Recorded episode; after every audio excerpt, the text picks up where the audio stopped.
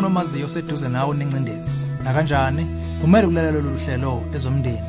La khona namhlanje sizobe sixoxa ngamaphuzu ambeke engozini kunye nempawu ezexwayisayo ngencindezi nokuzibulala. Ungabusaya ndawo hlala nathi.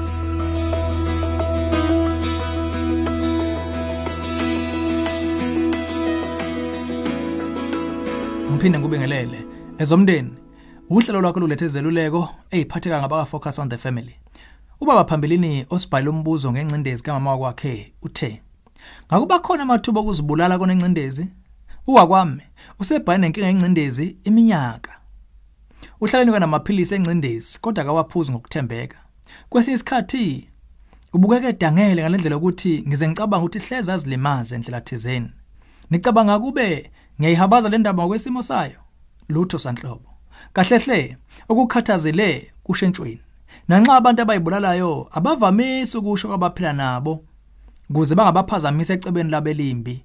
Kodwa ibakhona indlela yokudlulisa umyalezo womzwa wabo. Aganene naye umzali kumbe umngane uhlale sesimene esihle ukubona izinsolo zezimpawu kusenesikhathi salo othandweyo wakhe ukuthi ufuna ukuyibulala. Bonke abantu abanencindezi badinga ukuhlola amathuba okuzibulala. Kungcono ukuvikela kunokuyisola emva kwendaba. Indlela enhle ukwenza lokhu ukubeka isihloko ezithebeni ngokuvulelekile. Khuluma ngokuthembeka nowakwakho umqinisekise ukuthi imizwa okuzibulala akusiyinto engejwayelekile uma umuntu enencindezi iyamfikela.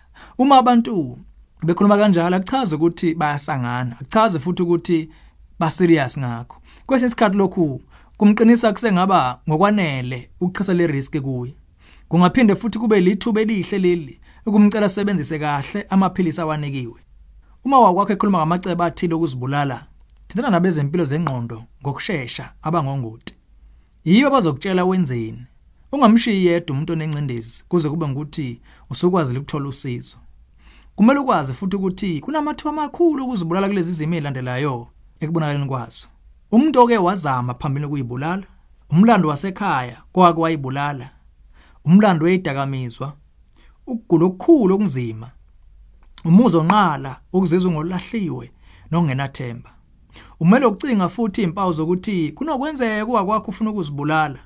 Qaphela noma kungayiluphi uguqulo ukuziphatha oligqamile esikhaleni nje. Kuqaphela uma kuthi kungalindelekile uwakwakho engabe saba nesasa lomndeni abangani ekaqeda isizungu nokuya enkonzweni. Abanye sebenomuzwa ukuzibulala banyusa uphuzo. Abanye babonakala ngokuqala ukuyikhipha kubantu babe ngonkuzi idla yodwana abanye basengeke ngebe nakho ukuzinaka ukuthi babukeka kanjani. Abanye basengaqala ukusaza izinto zabo bapha abantu kumbe bayidayise ze bathenga ispam noma banqwabelana amaphilisi. Kuneguquko olukhulu ukuziphatha yiba neso ngemizwa eguquka esikhaleni. Abantu abanomqondo wokuzibulala bangaba nobungozi baphelo uthando lokudla baveza ukuthuthela okukhulu kakhulu. Basenokusho amagama athi ngingaphila kangcono mangase ngife. Ngeke ngisaphila isikhathi eside manje ngiyabona. Impilo ayiqekethe lutho ayingiphathele lutho mina. Kumele uqaphele kakhulu ke futhi uma uwakwakho ekhombisa ukulahlekelwa nantoni na inkulu bese ekhombisa ukuthukuthela kuze kweqe. Ukuhlana kwalezi ithako ukulahlekelwa nokudina kweqe zingaletha umphumela okuzibulala kwesisikhathi abantu abanencindezi enkulu uma benza ingqumo ukuthatha impilo yabo baye bakhombisa imudi emangazanayo engachazeki.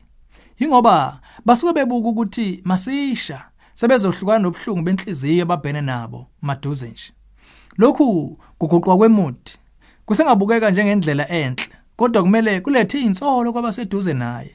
Uma ucabanga sekwesikhathi lesokulungisa le ndaba ne-psychologist kumbe therapist eqeqeshiwe sicela ushayela umnyango wezokweluleka efocus on the family. Izisebenzi zethu zingakuxhumanisa nabaseduze nawe. Sicela uphinde ubuke nombhalo online esobiza ngealive to thrive osemgangathweni omuhle oyizifundo eziyisithupha wenzelwe ukuvimbela intsha ukuzibulala. Nokho ulithuluze elibukhali ekuvikeleni ukuzibulala konkana nanoma ubani. Lolu daba lubuke ngokujulile futhi ungaungabazi umuzwa womcabango wakho. Lolu hlelo ezomndeni ulethulelwe yi-focus on the family sihlangabezwa hlelo luzayo sesihlabelisa phambili umndeni wakho.